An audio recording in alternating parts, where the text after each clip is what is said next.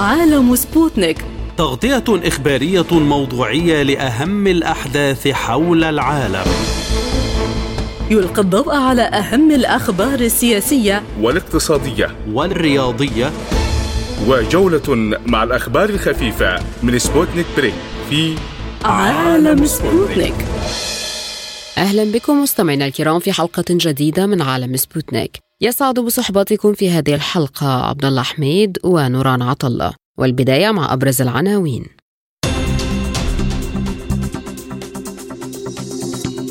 حماس تناقش مع تركيا مفاوضات وقف إطلاق النار ومقترح أمريكي لدعم تل أبيب ب 17.6 مليار دولار. روسيا تدعو إلى اجتماع مجلس الأمن حول الضربات الأمريكية في العراق وسوريا. أفيغدور ليبرمان يقول إنه يجب أن تسيطر مصر على غزة وأن يتولى الأردن مسؤولية مناطق بالضفة. بوريل يقول إن وزراء خارجية الاتحاد الأوروبي لم يتخذوا قرارا بشأن إمدادات الأسلحة إلى أوكرانيا والخارجية الروسية تؤكد أن إمداد أوكرانيا بالأسلحة يقوض فرص السلام.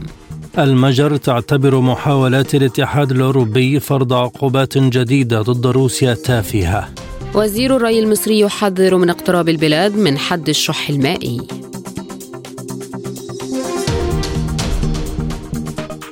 دعا ممثل روسيا لدى الأمم المتحدة ديمتري بوليانيسكي إلى اجتماع طارئ لمجلس الأمن الدولي بشأن الضربات الأمريكية في سوريا والعراق لمناقشة تهديد السلام والأمن الناجم عن تلك الضربات. في السياق نفسه قال نائب جمهوري بلجنة المخصصات في مجلس النواب الأمريكي إن اللجنة صاغت مقترحا بتقديم مساعدات عسكرية لإسرائيل بقيمة 17.6 مليار دولار. وعلى صعيد مفاوضات وقف التوتر وإنهاء الحرب على غزة قال القيادي في حركة حماس أسامة حمدان إن الحركة منفتحة على مناقشة أي مبادرات أو أفكار تفضي إلى وقف الحرب الإسرائيلية. مشيرا إلى أن الحركة تسلمت مقترح الإطار العام الذي تم الوصول إليه خلال اجتماع باريس.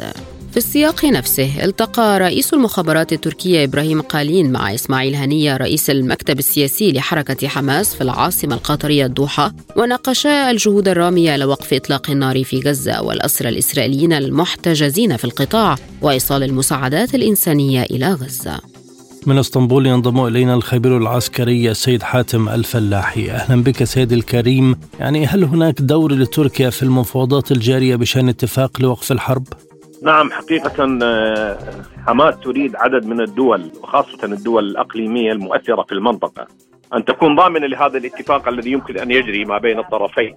وبالتالي هي تحاول إدخال تركيا وإدخال مصر وإدخال قطر في هذه القضية لأنه لا ثقة بالكيان الصهيوني في مسألة انقلاب على ما يتم الاتفاق عليه بعد أن يتم تسليم الأسرى.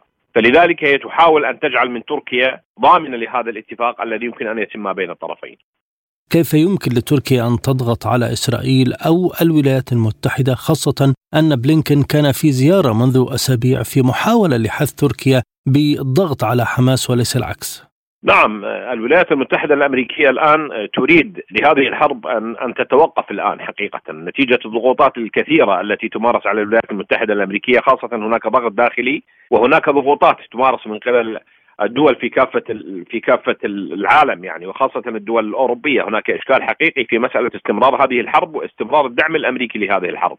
في قضية تركيا حقيقة آه، تركيا غير راضية على الأداء الأمريكي في هذه الحرب وغير راضية على الدعم الأمريكي المفتوح لإسرائيل للقيام بقتل الأطفال والنساء والتجويع وما إلى ذلك من أمور في داخل قطاع غزة. فلذلك تحاول الولايات المتحدة الأمريكية من خلال تركيا أن يكون هناك ضغط على حماس للقبول بوقف إطلاق النار مقابل أن تكون هناك ضمانات بعدم عودة القتال مرة أخرى خلال الفترة القادمة، فلذلك هي تحاول أن تستخدم نفوذ تركيا في المنطقة وقطر ومصر في قضية إنه الضغط على حماس في القبول بهذه الهدنة التي يمكن أن تؤدي إلى إطلاق سراح الأسرى خلال الفترة القادمة، على أن لا تكون هناك عودة مرة أخرى إلى القتال في في غزة بعد وقف إطلاق النار.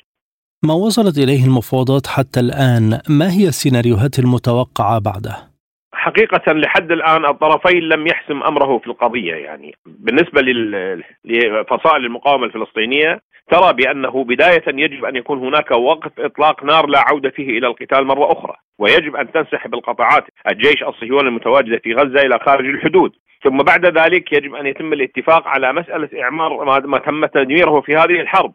وبعد ذلك يتم إطلاق الأسرى حسب الاتفاق. بالنسبة لإسرائيل تقول بأنها يعني حسب ما يصرح نتنياهو بأنه لا وقت كامل لإطلاق النار يمكن أن تكون هدنة الآن. الأمر الآخر بأنه لن يكن هناك انسحاب للقوات الإسرائيلية المتوغله في داخل قطاع غزة وهناك أيضا كلام على منطقة عازله يضاف إلى ذلك بأنه لا إطلاق لجميع الأسرى المتواجدين لدى الكيان الصهيوني، وبالتالي يعني هناك إشكالات في هذه القضية وتحاول الدول الآن بما فيها الولايات المتحدة الأمريكية أن تجد قاعدة مقبولة لكلا الطرفين أن يتم وقف إطلاق النار من خلالها والتوصل إلى اتفاق لإطلاق الأسرى وبقية التفاصيل الأخرى. كيف يمكن قراءة المقترح الجمهوري بدعم تل أبيب بأكثر من 17 مليار دولار؟ هل يأتي في إطار الانتخابات أم أنه واقعي؟ نعم لا شك هو يأتي ضمن سلسلة الدعم التي تقدمها هذه الإدارة الأمريكية للكيان الصهيوني في هذه الحرب على المستوى السياسي وعلى المستوى الاقتصادي وعلى المستوى العسكري، وبالتالي حتى هذه هذا المبلغ الذي يعني يتكلمون عنه الآن لدعم إسرائيل لم يشمل المساعدات لأوكرانيا ولم يشمل إعطاء مبالغ أيضا لأوكرانيا على اعتبار أن الملفين مهمين بالنسبة للولايات المتحدة الأمريكية وهي ستدعم كلا الطرفين. علما بأنها قدمت مقترح لدعم أوكرانيا أيضا ولكن لم يبدو بأن لا توجد هناك موافقة إلا لدعم الجيش الإسرائيلي في المنطقة خصوصا وإن هناك احتمال على فتح الجبهة الشمالية مع لبنان وهذا يدعو إلى الوقوف مع الكيان الصهيوني من قبل الولايات المتحدة الأمريكية بهذه بهذا الدعم الكبير المالي والاقتصادي والسياسي والعسكري. إلى أي مدى ستكون الولايات المتحدة طرفا موثوقا فيه خلال فترة التفاوض الجارية الآن؟ حقيقة بالنسبة لفصائل المقاومة آه، أرى بأنها لا ترى في الولايات المتحدة الأمريكية طرفا ضامنا الآن في هذه القضية لأنه هي طرف أساسي في الحرب. ولو أرادت وقف إطلاق الحرب لسمحت للمجلس الأمن أن يصدر قرار بوقف إطلاق النار وبعد ذلك يمكن أن تتكلم مع إسرائيل، ولكن هي الطرف الذي يرفض وقف إطلاق النار منذ بداية العملية العسكرية لحد الآن في مجلس الأمن وتقف مع إسرائيل. وتقدم له السلاح لقتل المدنيين والنساء والأطفال والتهجير وعملية التدمير التي تجري في غزة، وبالتالي هي طرف أساسي في هذه الحرب، لذلك لا ثقة في الجانب الأمريكي في هذه المسألة ولكن يمكن لدول المنطقة أن تكون ضامنة في هذه القضية، وحتى هذه القضية إذا ما أرادت الولايات المتحدة الأمريكية أن تنقلب على الاتفاقات فأعتقد إنها ستخسر الكثير هذه الإدارة، ولكن لا أعتقد بأنها تذهب إلى مثل هذا الأمر يعني حقيقة. للمزيد أيضا تنضم إلينا من جنيف الصحفية المعتمدة في الأمم المتحدة دينا أبي صعب أهلا بك سيدتي هل يجتمع مجلس الأمن بعد الدعوة الروسية لبحث الضربات الأمريكية على العراق وسوريا؟ يعني يفترض وحسب ما هو متوقع أن يجتمع يوم الاثنين آه، بطلب من روسيا طبعا آه، باعتبار أن الضربات التي وجهت إلى العراق وسوريا آه، تهدد بإغراق المنطقة ككل منطقة الشرق الأوسط ككل في صراعات أكثر وتأجيج الصراعات القائمة حاليا. وأيضا هناك تخوف من تمديد هذا الصراع ليشمل دولا جديدة أيضا بشكل خاص. نتحدث عن إيران طبعا مجلس الأمن بطلب رسمي من روسيا يفترض أن يتجه لعقد هذه الجلسة، الموعد الاولي هو يوم الاثنين ولكن طبعا ننتظر دائما تاكيدا من مجلس الأمن نفسه. توقعاتكم لما سوف يجري خلال هذه الجلسة؟ يعني طبعا هناك محورين حاضرين تقريبا في كل الجلسات في الفترة الأخيرة في مجلس الأمن تحول هذا المجلس إلى مكان أو ساحة للمواجهة بين محورين أساسيين في طرف تقف الأمم تقف الولايات المتحدة الأمريكية آه، في مواجهة طبعا مدعومة بحلف غربي كبير آه، تقف في روسيا بشكل خاص التي يساندها أيضا مجموعة كبيرة من الدول. حاليا روسيا في هذه النقطة أو في هذه الجلسة تدعو للحفاظ على أمن وأيضا على حق الدول بالحفاظ على حدودها الداخلية باعتبار أن هذه الضربات هي خرق فعلي وواقعي للحدود وسيادة هذه الدول على الأرض، بالتالي سنشهد بدون شك جلسة تتضمن الكثير من المواجهات الكلامية بين الجهتين، لا نتوقع رفع مشروع قرار خلال هذه الجلسة، ولكن طبعا هناك نقطة أساسية، البنتاغون صرح بشكل متكرر أن هذه الضربات قد لا تكون الأخيرة أو أنها لن تكون الأخيرة، بالتالي نتوقع أيضا أن يكون لروسيا محاولة لمنع شن ضربات جديدة على الدولتين العراق وروسيا وسوريا بشكل خاص. بالإضافة طبعا إلى الضربة التي وجهت إلى الضربات التي توجه عموما إلى مناطق مختلفة لا سيما اليمن حاليا مثلا. اذا أي استراتيجية تتبعها الولايات المتحدة خلال هذه الفترة المتصاعدة في التوترات على المستوى السياسي والعسكري؟ يعني بالنسبة للعمليات على الأرض واضح أن هناك توجه أو ما نشهده حتى الآن في خارطة الشرق الأوسط هو توزع أكثر للعمليات العسكرية، هناك طبعا منطقة تشتعل بدا الاشتعال في قطاع غزة بشكل خاص ولكن كل المنطقة حاليا قلقة من مصير قد يكون أسوأ، هذا الأمر حذرت منه الأمم المتحدة. كذلك أنطونيو غوتريش الأمين العام كرر ذلك بشكل متواصل منذ أكثر من ثلاثة أشهر حتى اليوم، هذا القلق قائم فعليا ويعني مشروع أيضا بالنسبة لكل دول المنطقة التي تواجه مصاعب ومشاكل تزداد أكثر فأكثر ليست فقط سياسية إنما ليست فقط عسكرية إنما أيضا ضغوطا سياسية لاتخاذ مواقف مصيرية قد تكون مصيرية بالنسبة للمنطقة، طبعا المنطقة حاليا بالإضافة إلى قطاع غزة هناك جنوب لبنان المشتعل، هناك الضربات على اليمن، البحر الأحمر الذي تضررت حركة التجارة العالمية عبره بشكل ملحوظ.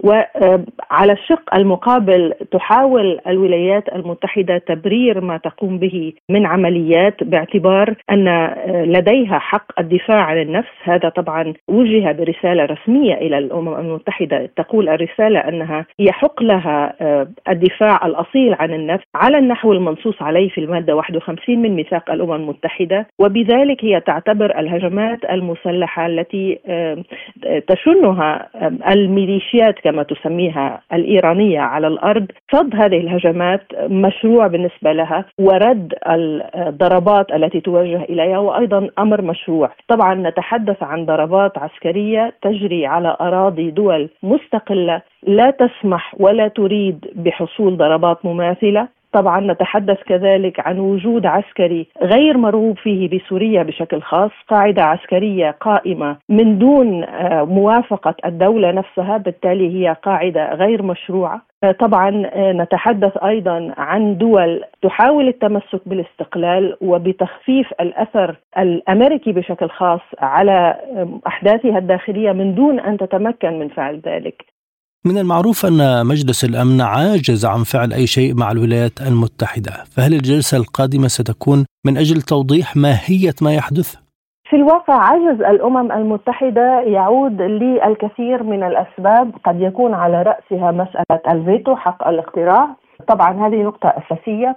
تركيبة الأمم المتحدة نفسها التي التي تقوم على خمس دول لديها حق رفض أي قرار يمرر عبر مجلس الأمن، مجلس الأمن أيضا لا ننسى ابدا أن التمويل الأساسي للأمم المتحدة أكثر من ربع تمويل الأمم المتحدة يعود للتمويل الأمريكي، حاليا مجلس الأمن وطبعا بشكل خاص مؤخرا حيال قطاع غزة أبدى فشلا متراكما تجاه إيجاد أي حل في غزة بسبب الضغوط الأمريكية والرفض الأمريكي. حاليا أيضا قد نشهد جلسة حوارية ترتفع فيها نبرة الكلام ولكن تنفيذيا على الأرض لن يكون لمجلس الأمن أي سلطة ولا أي أداة تنفيذية. طبعا دائما بسبب الرفض الأمريكي والفيتو الأمريكي وإعاقة أي تغيير فعلي على الأرض. طبعا أمريكا دائما تقف خلف ذلك.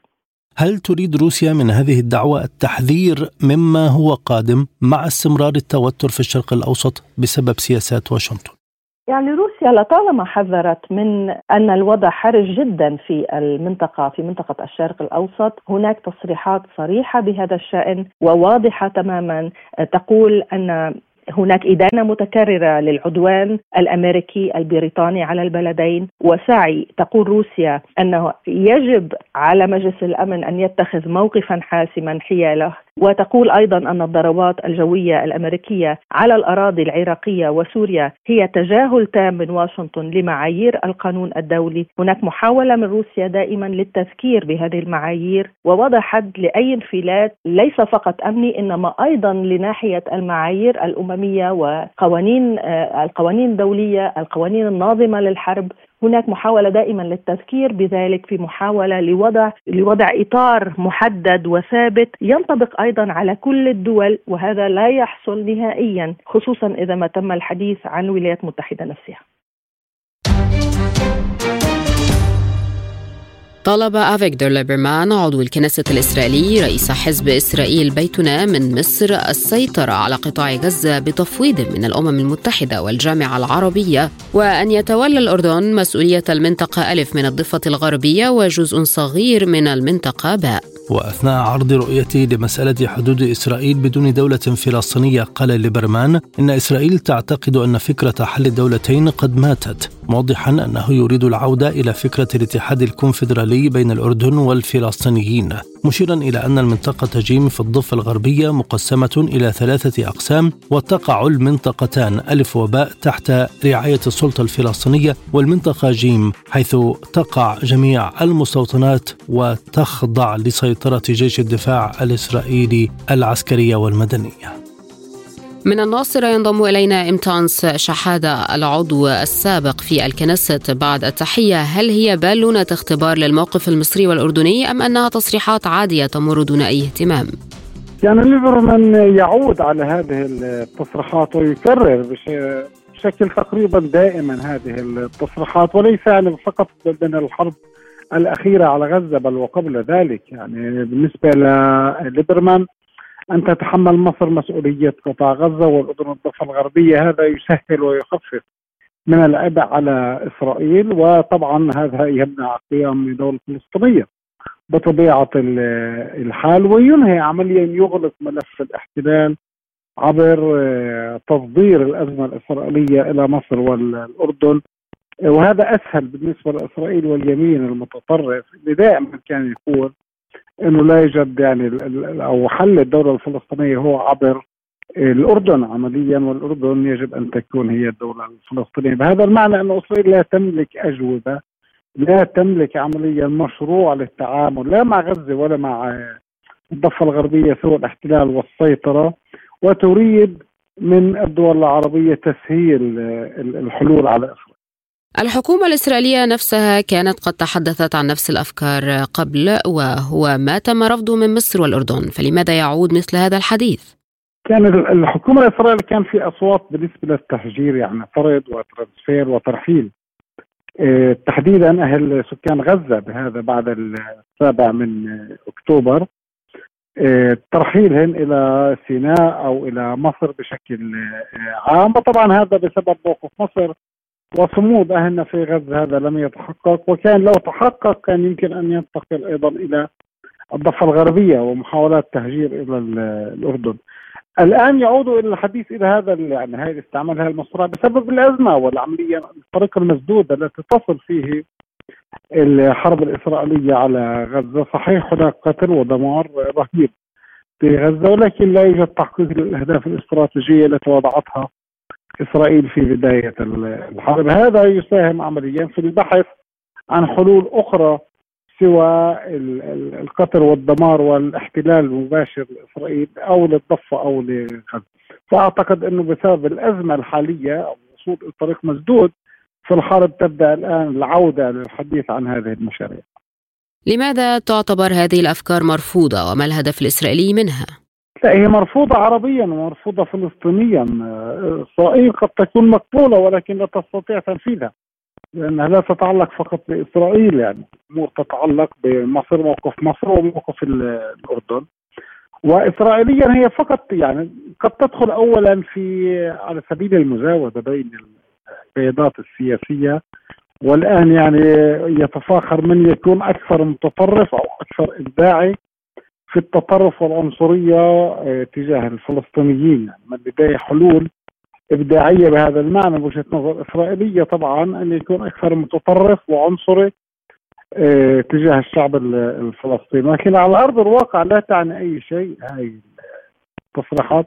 ناهيك انه اليمين يعني سموتريتش وبنكفير والتيار اليمين الصهيوني يريد الحفاظ على آه، الضفة الغربية بالنسبة له. هاي قلب إسرائيل التوراتيه التاريخية ولن يتنازل عنها بهذه السهولة. فهي تدخل مجرد يعني آه، أقوال وشعارات ومزودات بين القيادات الإسرائيلية دون أي معنى.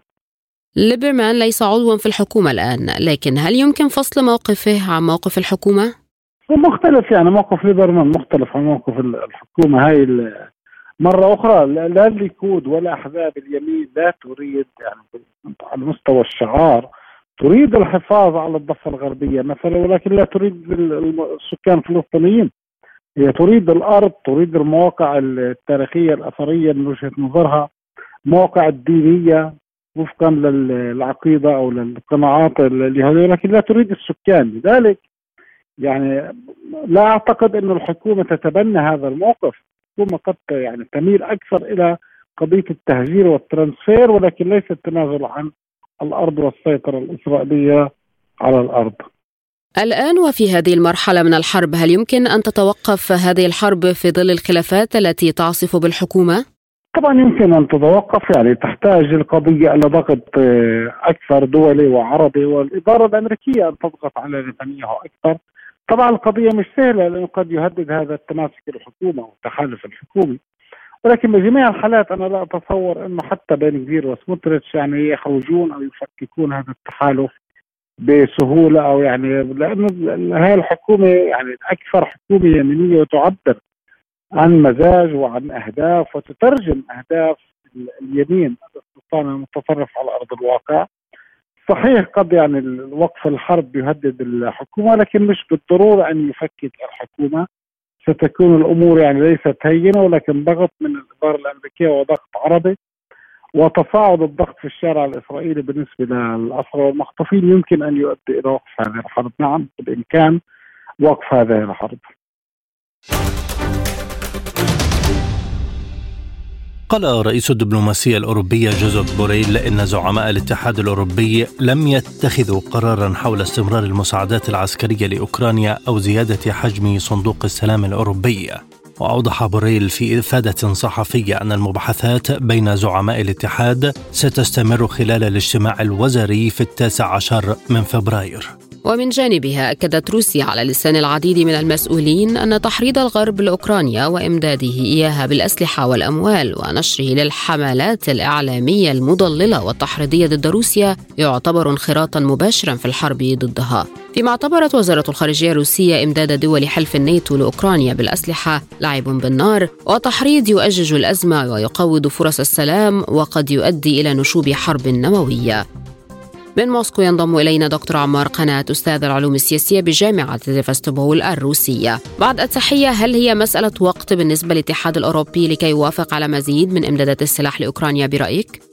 فيما يتعلق بموقف الاتحاد الأوروبي اليوم يعني نراه متقلبا ومتضاربا يعني هناك الكثير من الخلافات في الداخل الأوروبي ناهيك عن التباينات في المنظومة الغربية بشكل بشكل عام. هناك يعني باعتقادي ضغوطات من قبل الولايات المتحدة باستمرارية دعم دعم أوكرانيا. لكن مسألة يعني التسليح هي ليست فقط يعني مناطة بالقرار الأمريكي لكن أيضا هناك نقص يعني في في آلية يعني أو نقص بالأسلحة لدى المنظومة آه، الأوروبية بشكل بشكل خاص. فلذلك رأينا أن هناك يعني بعض التصريحات يعني اللافتة للنظر آه، حتى من التخوف يعني من فقدان يعني مفهوم آه، الأمن عن هذه الدول الأوروبية. وذلك ما أرسل لأوكرانيا باعتقادي أنه كان يعني كثيرا جدا ولم تكن تتوقعه حتى وزارات الدفاع الأوروبية، لكن عملية الاستمرار في دعم أوكرانيا باعتقادي المسألة هي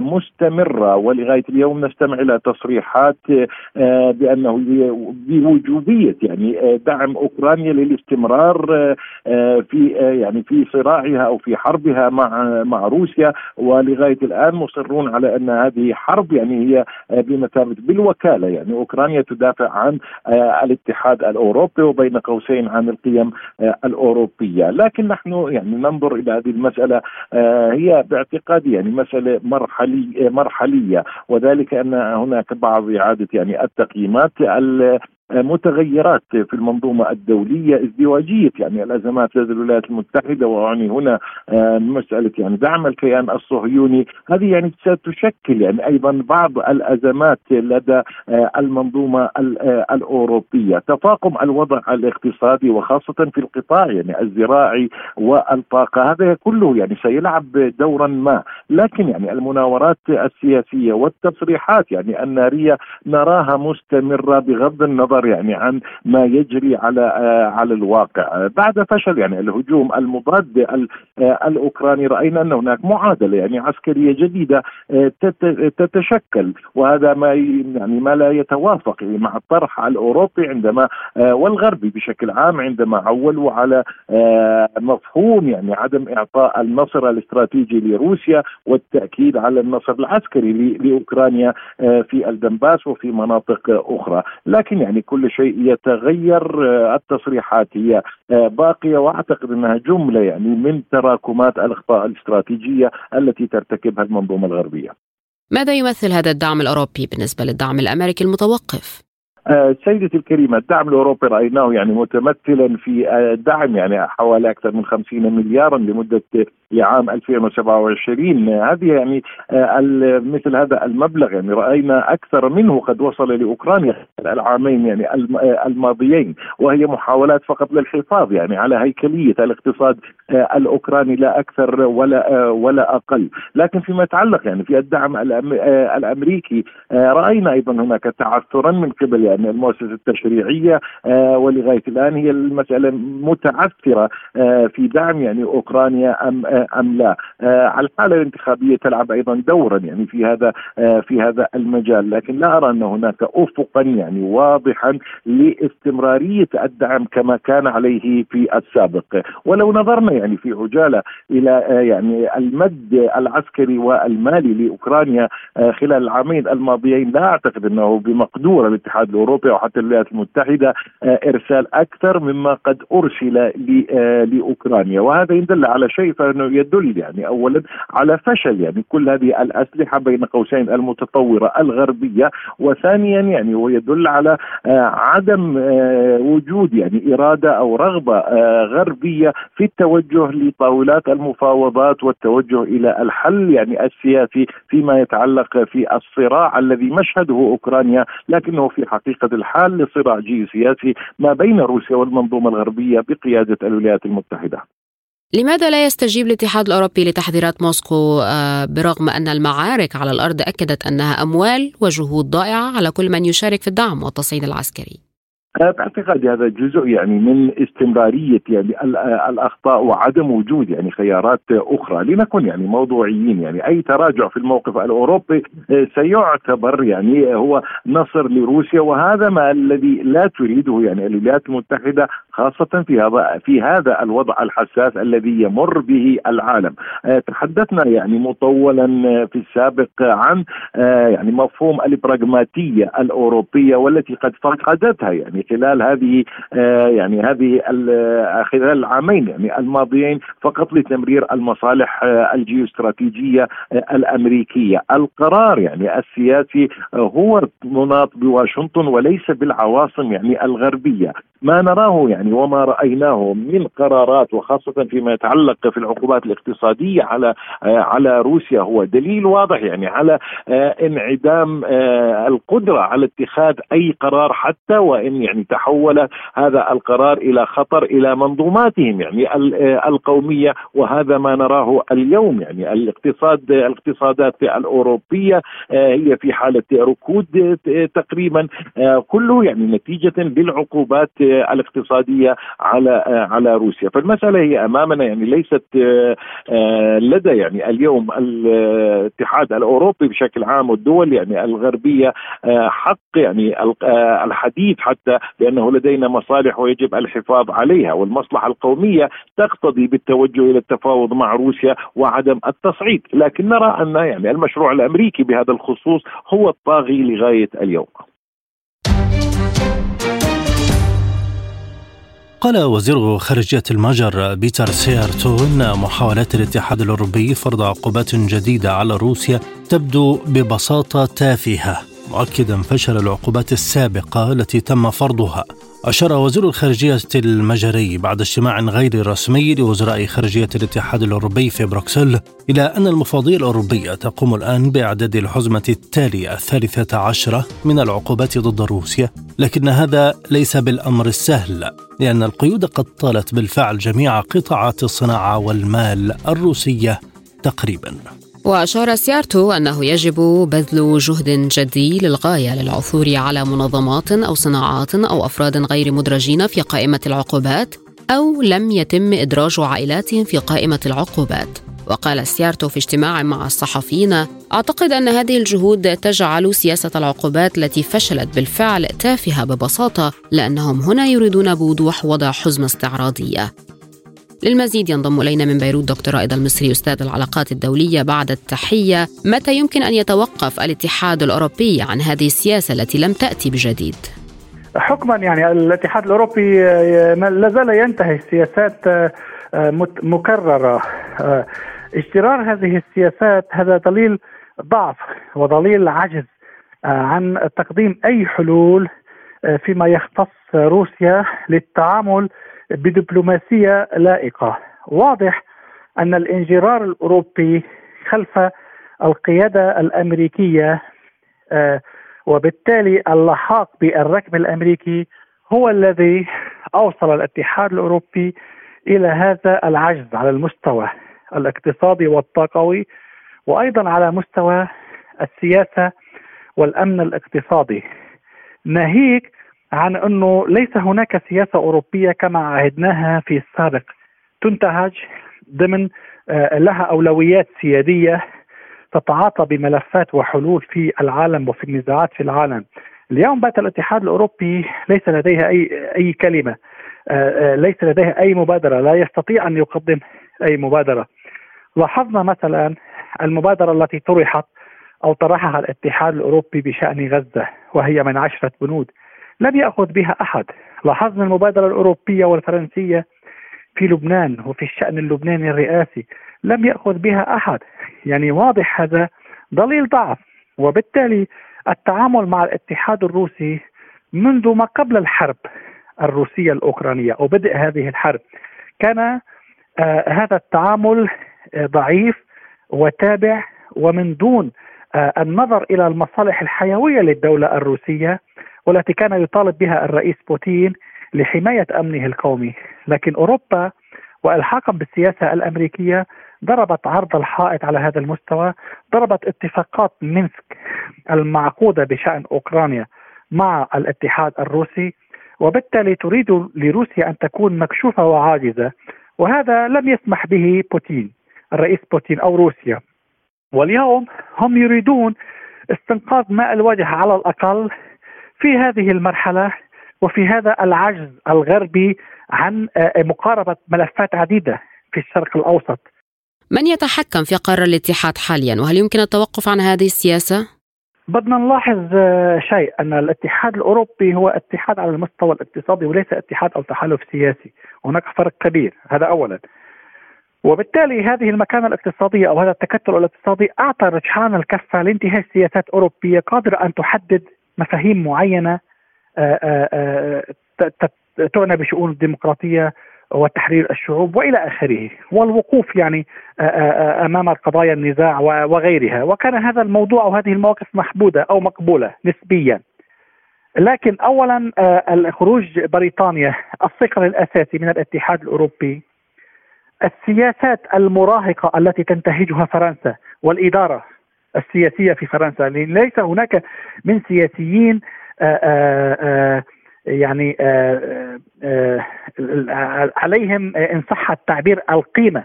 تستطيع أن تقود فرنسا هذه فرنسا ذات التاريخ العريق في الديمقراطية والثورة الفرنسية وغيرها. لم نشهد هذا المو... هذه المواقف الفرنسية اليوم. يعني يأتي الموفد الفرنسي لا أحد يستقبله مثلا في لبنان وهو البلد العاجز والضعيف يعني. وهذا بكل صراحة يعني هذا دليل ضعف أيضا. خروج بريطانيا من الاتحاد الأوروبي وأيضا تفرد فرنسا بسياسات ضعيفة جدا على هذا المستوى من دون أن ننسى أن فرنسا يعني طردت حديثا من بلدان أفريقية عديدة اتهمتها بالاستعمار الجديد وغيرها وهذا أضعف مكانه فرنسا بطبيعة الحال. بقي يعني في موضوع الاتحاد الأوروبي ألمانيا كدولة اقتصادية مؤثرة وقوية لكن سياسات شولز يعني أولاف شولز يعني بالنسبة لأوكرانيا وبالنسبة للخطاب المتطرف الذي انتهجه أيضا يعني أبعد ألمانيا عن هذا التأثير وهذا الوهج الذي كان العالم ينتظره والاتحاد الأوروبي ينتظره. وبالتالي هناك انقسامات واضحة داخل الاتحاد الأوروبي حتى على مستوى المجر أو هنغاريا أو غيرها من هذه الدول. التي باتت يعني تلعب في مكان آخر بعيد عن هذه السياسة، فإذا هناك حالة تفكك وضعف لا يمكن الاتكان عليها في حلول أي ملفات عالقة. الاتحاد وقع 12 حزمة من العقوبات على روسيا كم تضررت دول الاتحاد منها وكم تضررت روسيا؟ نحن بنلاحظ اليوم أنه العلاقات الاقتصادية متشابكة في العالم. يعني اليوم نشهد نمط اقتصادي بالأساس يعني هو معاولم ومتشابك ببعضه وبالتالي يؤثر. العلاقات التجارية البينيه تؤثر بشكل كبير حتى على من يفرض هذه العقوبات، إن كان الاتحاد الأوروبي يريد أن يفرض عقوبات على روسيا، ما الذي جناه من هذه العقوبات؟ بالعكس هناك شركات كبرى قد تضررت، هناك أصلا دول لا تريد هذه العقوبات وبقيت أو أبقت على هذا التعامل مع روسيا، هناك دول هي بحاجة إلى النفط والغاز الروسي، هناك دول بحاجة إلى الصناعات. يعني لا لا يمكن قطعها بالكامل، أنت لم تقدم في الاتحاد الأوروبي لوحدات اقتصادية كاملة من كل شيء من طاقة ونفط وثروات معدنية وثروات باطنية وسلاسل توريد وأمن غذائي. هذا هذا غير موجود. لن تستطيع أوروبا أن تقدمها لكل البلدان. وتريد أن تفرض شروطها وعقوباتها على روسيا من أجل انتهاج أو اتخاذ مواقف يعني آآ آآ آآ بالنسبة لأوكرانيا، طيب هناك دول وشعوب تتأثر جراء هذه العقوبات، تتأثر بينيا في علاقات تجارية. اليوم العلاقات متكاملة بين كل الدول، وحتى بالنسبة لروسيا حتى وإن يعني أضعفت الناتج القومي الروسي أو النمو الروسي بجانب بجانب معين لكنها قوته بجوانب أخرى، وبالتالي جعلت الاتحاد الروسي يبحث عن مكانة اقتصادية كبيرة، يبحث عن علاقات أو إعادة علاقات إنتاج دوليه على أكثر من مستوى وهذا ما يتبرر اليوم، يعني معنى ذلك أن كل هذه العقوبات إنما أنت تؤسس لتغيير مفاهيم أنا أعتقد أن الغرب سيصبح بعيد عنها بكل الأحوال وخاصة ما يتعلق بعلاقات الإنتاج وسلاسل التوريد، ولاحظنا ما جرى في البحر الأحمر ومن عسكر البحر الأحمر ومن ضياع مليارات الدولارات خسائر من الشركات والتأمين جراء عمليات عسكرية واحدة في باب المندب، فما بالك أننا نفرض عقوبات على دولة كبرى مثل روسيا وما سيتأثر به سائر الاتحاد الأوروبي من دول لا تريد لهذه العقوبات أن تستمر بالعكس هي تريد تكامل على المستوى الاقتصادي والحلول السياسية والعسكرية لها جانب آخر وهذا ما لم يفهمه أو تفهمه بعض الدول في الاتحاد الأوروبي.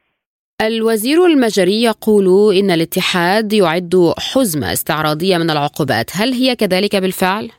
نعم هي لأنه لم يبقى شيء. يعني الغرب أنزل كل العقوبات هو أفرط في العقوبات على الاتحاد الروسي وبالتالي لم يعد في جيبه أي نوع من أنواع العقوبات. وهذا بطبيعة الحال لم يجدي لأن الاتحاد الروسي أيضا لديه علاقات ولديه قوة اقتصادية طاقوية ونفطية وبدأ في هذه العلاقات بال بالمفرد أو بعلاقات ثنائية بين الدول يعني مع الهند مع الصين مع المملكة العربية السعودية مع الإمارات مع دول في في إفريقيا مع مصر. يعني هذه العلاقات الثنائية هي التي عوضت عليه كل هذه العقوبات. ليقول العالم أنه ليس العالم أو لا يعيش الاتحاد الروسي أو غيره من الدول إلا على الأكسجين الأوروبي أو الغربي. لا هناك أنماط مختلفة نستطيع أن نبتكرها أن نحدث نوع من الابتكار في هذه العلاقات مع علاقات الإنتاج على المستوى الدولي ونحن نسير به والناس تعودت عليه أصلا وحتى النظام الدولي الجديد الذي يتركب بدأ يتعود على هذا النوع. البعيد عن العقوبات لا تستطيع انه كل كلما اختلف اختلف الدولتين آه، فيما بينهما تبدأ بفرض العقوبات والافراط في استخدام هذه العقوبات. هذا يضر البيئة الشعبية. والبيئة السكانية ويدور حركة النمو وبالتالي يؤسس لأجيال من الحقد هل هذا يجوز اليوم في عالمنا؟ لا يمكن أن يستمر هذا النوع من الأفراط في العقوبات كلما تعقدت مسألة أو قضية معينة يتوجب حلها، هذه هي القضية الأساس وبالتالي كل هذه العقوبات هي شكلية للقول أننا موجودون ونستطيع أن نحرك في القضية الأوكرانية أو نستطيع أن نضغط على روسيا لكن على واقع الأرض هذا ليس له أي محل من الإعراب أو فاعلية.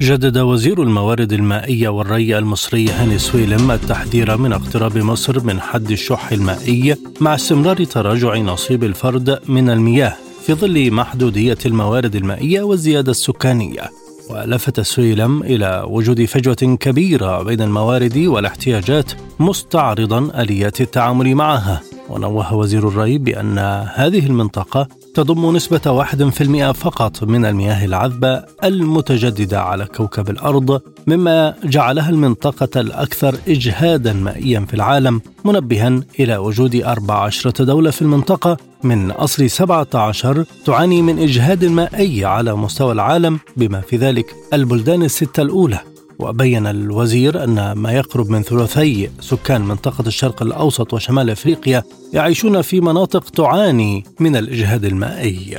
وكان وزير الموارد المائية والري قد صرح في وقت سابق من أواخر العام الماضي بأن نصيب الفرد في مصر من المياه سنويا يبلغ نصف حد الفقر المائي عالميا. مشيرا إلى وجود فجوة بين الموارد المائية المتاحة والتي قدرها بنحو 60 مليار متر مكعب والطلب على المياه البالغ 115 مليار متر مكعب. وأوضح سويلم أن مصر تأتي على رأس قائمة الدول القاحلة والأقل من حيث معدل الأمطار الذي لا يتجاوز 1.3 مليار متر مكعب. مع الاعتماد شبه المطلق على نهر النيل بنسبة 98% والذي يأتي من خارج الحدود بخلاف تحديات التغيرات المناخية.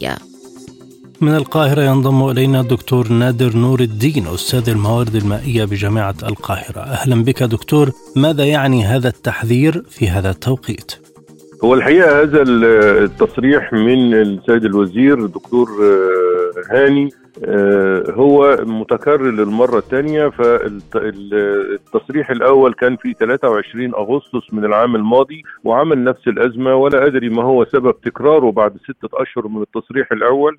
لأنه آه، مصر ببساطة داخل حد الفقر المائي منذ عشر سنوات اللي هو نصيب الفرد فيها أقل من ألف متر مكعب طبقا لتقسيمات الأمم المتحدة. وبالتالي إحنا تحت هذا الحد نصيب الفرد لو حسبنا موارد مصر المائية 62 آه، مليار متر مكعب في السنة.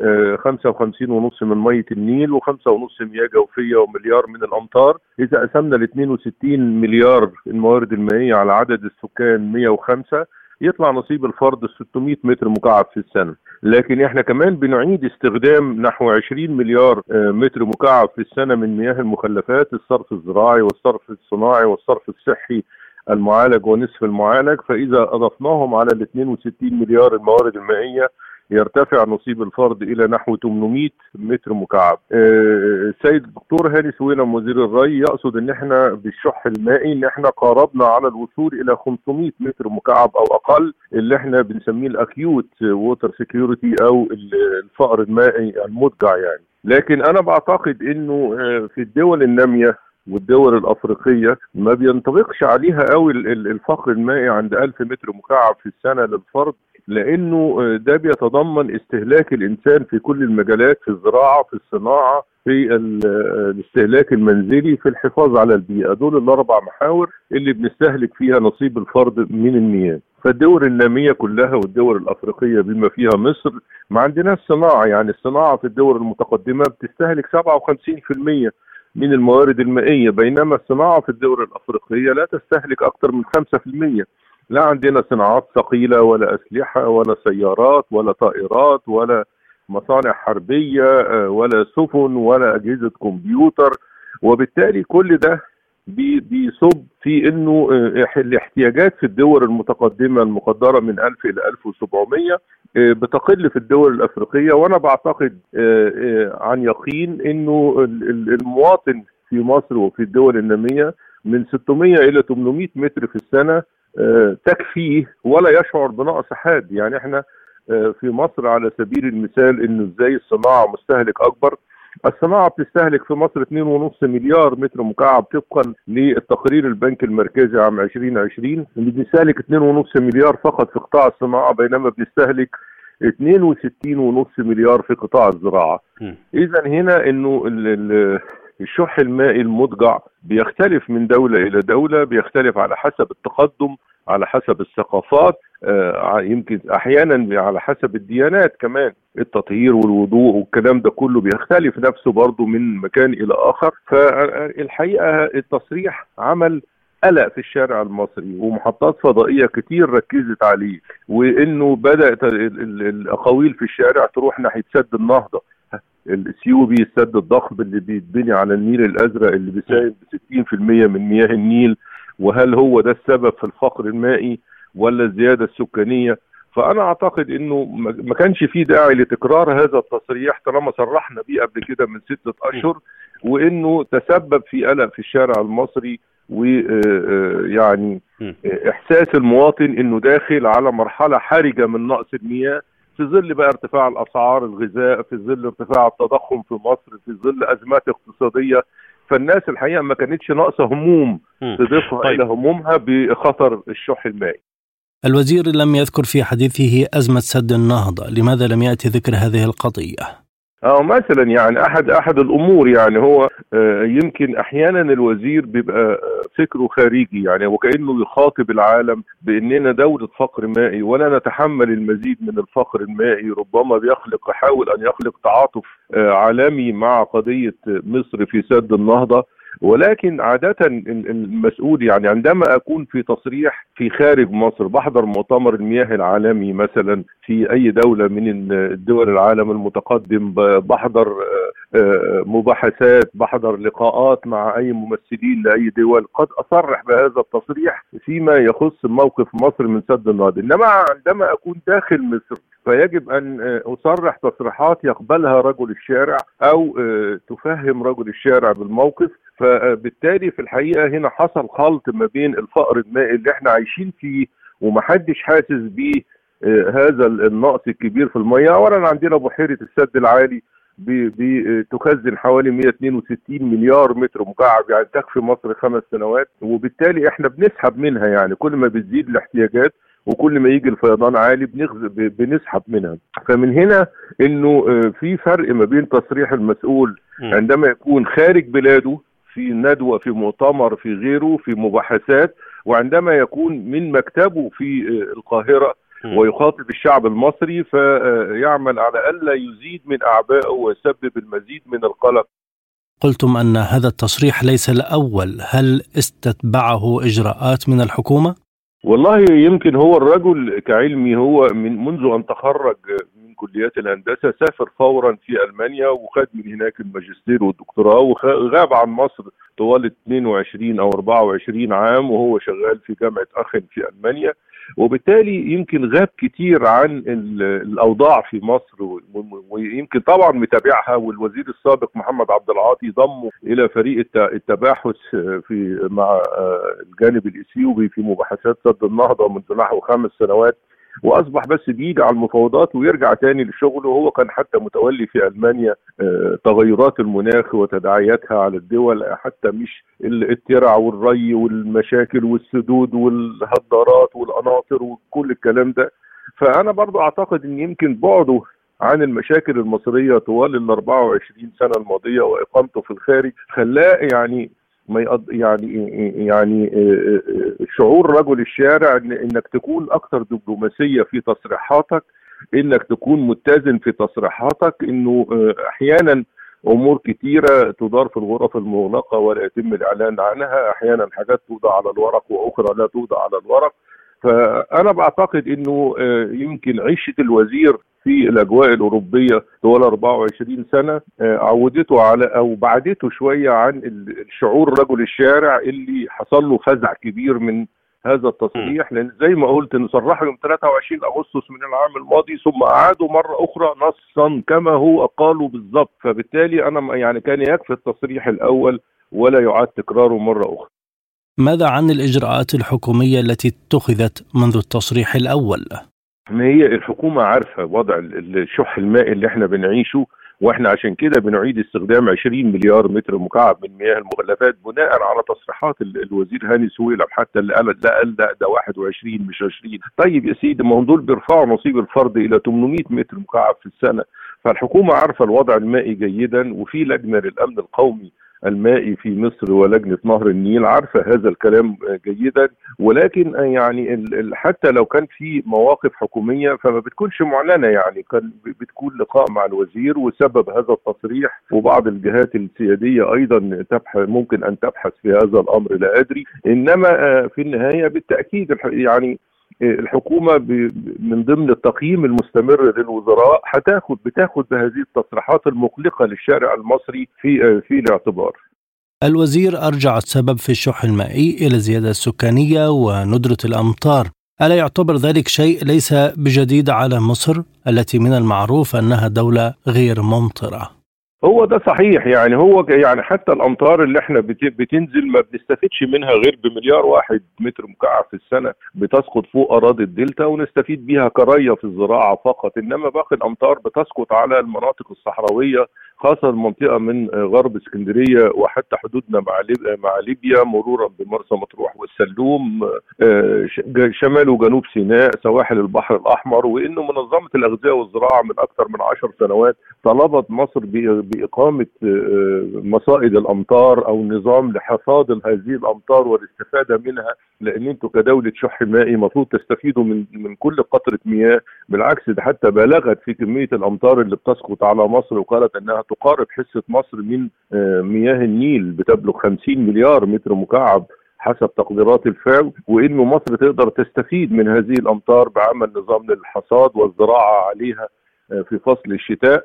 ولكن الحقيقة آه، لم يتم أي خطوات في هذا الأمر. وأنا بعتقد إنه مصر يجب أن أن تفكر جيدا في هذا الأمر في نظام لحصاد الأمطار خاصة في الساحل الشمالي الغربي.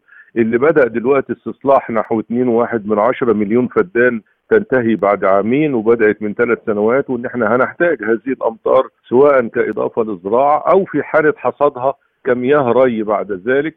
ونفس الكلام في شمال سيناء في ترعة السلام.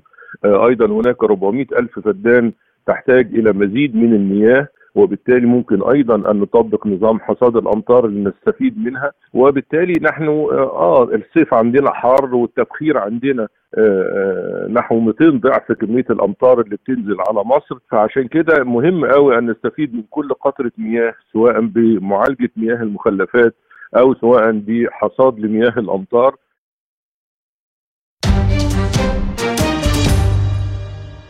الآن مستمعينا إليكم جولة إخبارية حول العالم مع زميل خالد عبد الجبار. صرح مدير المركز الإعلامي لتجمع قوات الجنوب التابعة للقوات المسلحة الروسية فاديم أستافييف بأن القوات الروسية عززت من سيطرتها على عدة مواقع جديدة على محور دانياتسك. وقال أستافييف إن وحدات تجمع قوات الجنوب سيطرت على خطوط ومواقع أكثر فائدة وعملت على صد خمس هجمات للجيش الأوكراني الذي تكبد خلال هذه العملية خسائر في أفراده ومعداته في كل من بوغدانوفغا وكليشيفغا وكورديوموفغا وغورجيفكا ونوفو ميخاليوفكا وأشار أستفايف إلى أن خسائر العدو بلغت خلال اليوم الماضي في هذا الجزء من الجبهة 335 عسكريا بين قتيل وجريح. كما تم تدمير دبابة وثلاث مركبات قتالية مدرعة ورادارين مضادين للبطاريات وعشر مركبات. وقال أستافايف إنه خلال معركة مدفعية تم تدمير مدفع هاودزر من عيار 155 ملم وأسقط الدفاع الجوي الروسي 14 طائرة بدون طيار أوكرانية. أفاد رئيس جمهورية القرم الروسية سيرجي أكسيونوف بأن العالم أجمع يعتمد على إنجاز مهام العملية العسكرية الخاصة وليس فقط روسيا. وقال أكسيونوف على تليجرام بمناسبة ذكرى بدء مؤتمر يالطا عام 1945 إن النظام العالمي الجديد يتم إنشاؤه دائما من قبل المنتصرين. لذلك اليوم ليس مصير روسيا فحسب بل العالم كله يعتمد على تنفيذ مهام العملية العسكرية الخاصة التي حددها الرئيس بوتين وأضاف على الرغم من كل الشعارات المتعلقة بالسلام فقد أظهر التاريخ اللاحق أن الشركاء الغربيين لا يعترفون إلا بالقوة. طالب رئيس هيئة الحشد الشعبي في العراق فالح الفياض بمغادرة القوات الأجنبية أرض بلاده مؤكدا أن استهداف الحشد لعب بالنار على حد تعبيره وطالب في كلمة له بمناسبة تشييع شهداء القصف الأمريكي على قواطع الحشد الشعبي كل الفعاليات الشعبية والبرلمانية والقوى السياسية أن يكون لها موقف واضح من استهداف الحشد. وأردف موضحا أن استهداف الحشد الشعبي لعب بالنار وإذا تكرر فستكون عملية خطيرة ولن يمر مرور الكرام. وتابع رئيس الحشد الشعبي في العراق أن أصحاب الأجندات الذين يستغلون دماء أبناء العراق لن نقبل بهم ونعاهد المرجعية أن نبقى جنودا أوفياء للدفاع عن الدين والوطن. وأعلنت وسائل إعلام عراقية السبت نقلا عن قيادة عمليات الأنبار للحشد الشعبي مقتل 16 شخصا إثر ضربات أمريكية غرب العراق. أدانت وزارة الخارجية الإيرانية الهجمات الأمريكية والبريطانية على اليمن مؤكدة أنها انتهاك لسيادة وسلامة أراضيه واعتبرت الخارجية الإيرانية في بيانها أن استمرار التحركات الأمريكية والبريطانية مغامرة واضحة وتهديد مقلق للسلم الدولي. وشنت الطائرات الأمريكية والبريطانية غارة على معسكر حركة أنصار الله الحوثية في المجمع الرئيسي بالعاصمة صنعاء شمال العاصمة. ووقعت الهجمات على صنعاء مباشرة بعد الغارة على مواقع في محافظة الحديده الشمالية وعلى ساحل البحر الأحمر. ونفذت القوات الجوية الأمريكية والبريطانية سلسلة غارات على جبل عطان في صنعاء وعلى معسكر النهدين الواقع في المجمع الرئاسي. كما استهدفت الغارات مواقع لأنصار الله في المحافظات الجنوبية مثل ذمار والبيضة وحجة. ومنذ الثاني عشر من يناير تشن الطائرات الأمريكية والبريطانية غارات على مواقع الحوثيين في أجزاء مختلفة من اليمن لمنعهم من مهاجمة السفن في البحر الأحمر. انتقد زعيم المعارضة الإسرائيلية يائير لابيد والوزير في مجلس الحرب الإسرائيلي بيني جانتس وزير الأمن القومي الإسرائيلي إتمار بن غفير بسبب تصريحاته ضد الرئيس الأمريكي جو بايدن.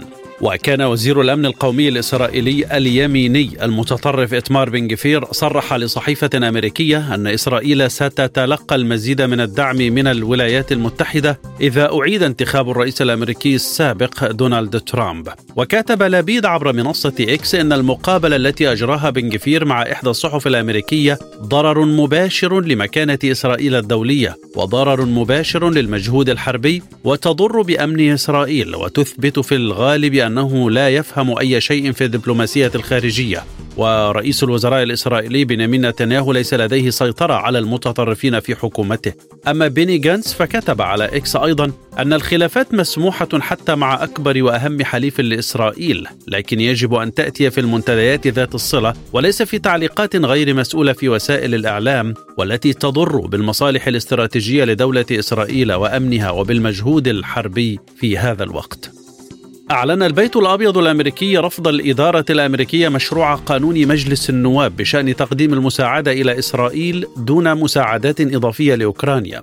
وقالت الناطقة باسم البيت الأبيض كاردين جان بيير إن الإدارة تعمل منذ أشهر مع مجموعة من أعضاء مجلس الشيوخ من الحزبين الجمهوري والديمقراطي على التوصل إلى اتفاق للأمن القومي يؤمن حدود الولايات المتحدة ويقدم الدعم لشعبي أوكرانيا وإسرائيل. وبينما أصبح النص التشريعي وشيكا يأتي الجمهوريون في مجلس النواب بأحدث مناوراتهم السياسية. إن أمن إسرائيل يجب أن يكون مقدسا وليس لعبة سياسية حسب تعبير جان بيير وكان رئيس مجلس النواب الأمريكي مايك جونسون قد كشف عن تشريع يقضي بتقديم مساعدات عسكرية جديدة لإسرائيل بقيمة 17 مليار دولار و600 مليون في إطار حربها على حركة حماس دون تخصيص مساعدات لأوكرانيا ويتوقع التصويت عليه خلال أيام.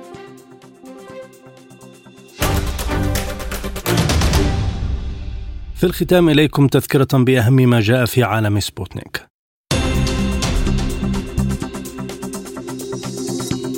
حماس تناقش مع تركيا مفاوضات وقف إطلاق النار ومقترح أمريكي لدعم تل أبيب ب 17.6 مليار دولار. روسيا تدعو إلى اجتماع مجلس الأمن حول الضربات الأمريكية في العراق وسوريا.